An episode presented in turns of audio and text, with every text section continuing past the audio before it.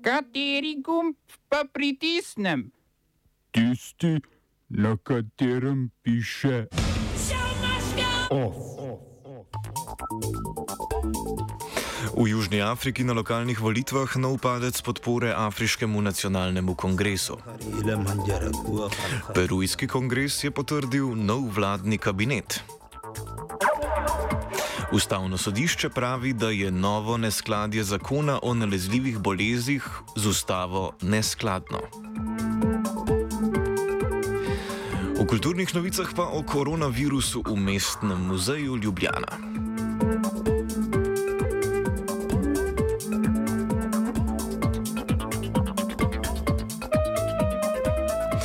Dobr dan. Devet etiopskih protivladnih skupin bo oblikovalo zavezništvo pod imenom Združena fronta etiopskih federalnih in konfederalnih sil.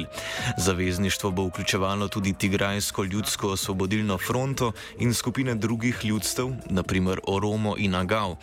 Predstavnica vlade Abija Ahmeda se je na oblikovanje zavezništva odzvala z besedami, da je bil čas za politične spremembe od junijskih volitev, na katerih je slavila Ahmedova stranka. Franka Blaginja. V naznanitvi ustanovitve zavezništva so predstavniki zapisali, da bodo sporazum o ustanovitvi podpisali danes v Washingtonu.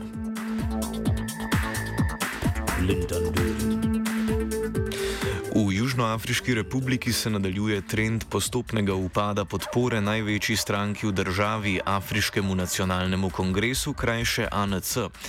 Po prvih rezultatih ponedeljkovih lokalnih volitev je na državni ravni delež glasov, ki so jih voljivci namenili stranki, padel pod 50 odstotkov, kar se je zgodilo prvič, odkar v Južni Afriki potekajo demokratične volitve. Na volitvah je glasovalo 46 odstotkov volilnih upravičencev. ANC s 46 odstotki glasov še vedno ostaja daleč pred zasledovalci, glavna opozicijska stranka Demokratično zavezništvo je prejela dosegla le 22 odstotkov glasov. Glasove so pridobile predvsem manjše, ideološko zelo različne opozicijske stranke, od levičarskih borcev za ekonomsko svobodo do prozulujske stranke IFP in proburske stranke Svobodna fronta Plus. V več pokrajinah se bo moral ANC pogajati za osnovanje koalicijskih vlad. Razloge za slabši volilni rezultat ANC je mogoče iskati v korupcijskih škandalih, v katere so upleteni zapleteni člani stranke, visoki stopni brezposelnosti, pogostih izpadih električne energije in neučinkovitem delovanju javnih služb, kar se je pokazalo ob poletnem izbruhu nemirov zaradi zaprtja nekdanjega predsednika države in stranke ANC, Jacoba Zume.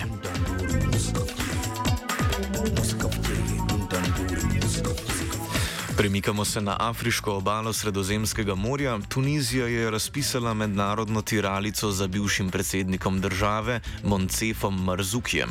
Za zdaj še ni znano, česa dolžijo bivšega predsednika.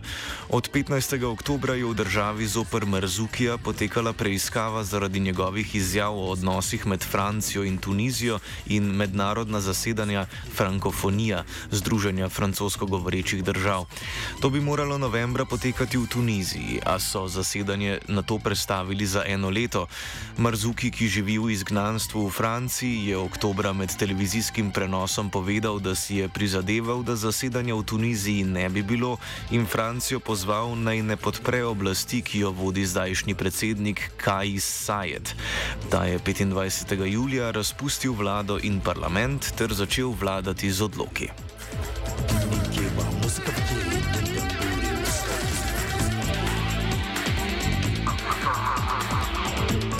Tri mesece po začetku mandata predsednika Pedra Castilla je perujski kongres potrdil vladni kabinet.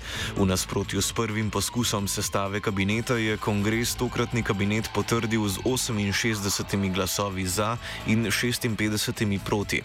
Premijajka je tako tudi uradno postala Mirta Vaskes. Da gre za premik vlade proti sredini, kaže dejstvo, da so proti ustoličenju kabineta glasovali tudi nekateri člani predsednikove stranke Svobodni Peru.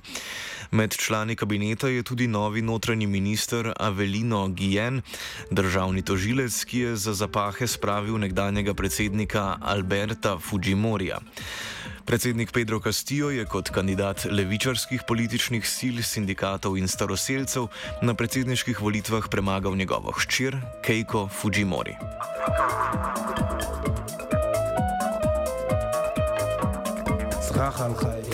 Varnostni svet Združenih narodov je potrdil podaljšanje vojaške misije v Bosni in Hercegovini, ki poteka pod okriljem Evropske unije. Sklep je bil sprejet soglasno, a ni šlo brez zapleta. Rusija namreč še vedno ne priznava novega visokega predstavnika Združenih narodov v Bosni in Hercegovini, Kristjana Šmita, in trdi, da je položaj nezaseden. Zaradi tega Šmit varnostnemu svetu tudi ni predstavil svojega poročila o stanju v Bosni in Hercegovini. Hercegovini.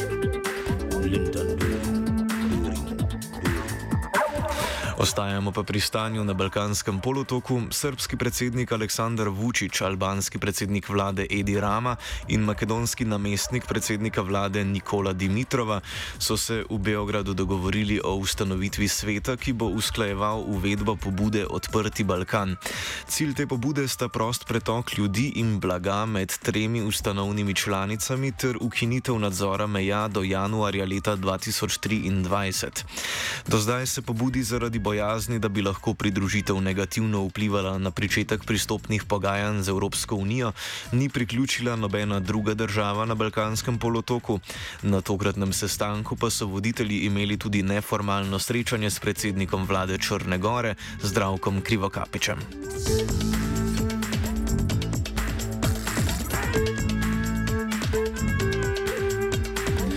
Podružnica ruske Sberbank, Sberbank Europe, je sklenila prodati pet podružnic v Sloveniji, Srbiji, Bosni in Hercegovini ter na Hrvaškem in Mačarskem. Gre za nadaljevanje strategije banke, ki zmanjšuje svojo prisotnost na evropskem trgu. Kupci so Gorenska banka, Srpska AIG banka in Agri Europe Cyprus Limited. Vsa tri podjetja so v lasti srpskega podjetnika Miodraga Kostiča. Na Hrvaškem bi prodaja banke Sberbank Sberbank prinesla tudi spremembo v lastništvu 40-odstotnega deleža Fortenove, ki obvladuje velik del posla zdaj že propadlega konglomerata Agrokor. V Sloveniji bi morebitna pripojitev banke Sberbank Gorenski banki tej omogočila, da bi postala tretja največja banka v državi za Novo Ljubljansko banko ter združenima NKBM in Abanko. Oba, če, če bom odgovoril na angliški. Slovenija bo poskušala pomagati. Slovenija bo naredila naš utmost, da bo rekla, da je situacija naš problem, sami. In bomo naredili nadaljnje korake, as soon as the conditions are. Bomo vlado Marjana Cererera Šarca podprli. Very, very serious. News from Slovenija. We know how and we will. Ostajamo pa na finančnem področju. Vlada je na položaj generalnega direktorja finančne uprave Republike Slovenije imenovala Ivana Simiča, ki je bil od junija letos na tem položaju kot vršilec dolžnosti. Mandat bo trajal do 17. novembra leta 2026 z možnostjo ponovnega imenovanja. Simič je v preteklosti to institucijo vodil že med letoma 2006 in 2008, ko se je še imenovala davčna uprava. Na to je isto funkcijo opravljal v Srbiji, v zadnjem času pa je bil davčni svetovalec. Simič, ki je predtem v aktualni vladi vodil svet za debirokratizacijo, je ob imenovanju na mesto vršilca dolžnosti ustrajno zagotavljal, da ga, mesto, da ga mesto direktorja ne zanima in da je na Furs prišel za pol leta. A si je morda nekoliko pričakovano premislil. Ustavno sodišče je presodilo, da četrta točka 39. člena zakona o nalezljivih boleznih ni v skladu z ustavo.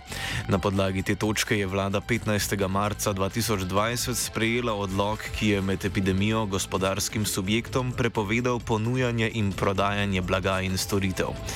Zakon o nalezljivih boleznih po mnenju ustavnega sodišča namreč prepušča vladi, da po lastni presoji določa trajanje omejitev in prepovedi, s katerimi se posega v svobodo dela in svobodno gospodarsko pobudo gospodarskih subjektov.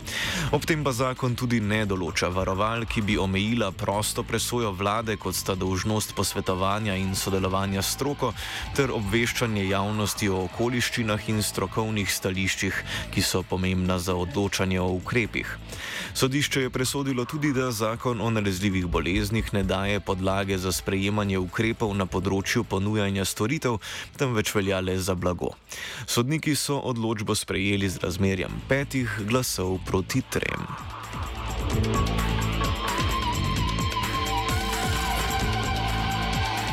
Of je pripravil Dominik, sledijo pa kulturne novice.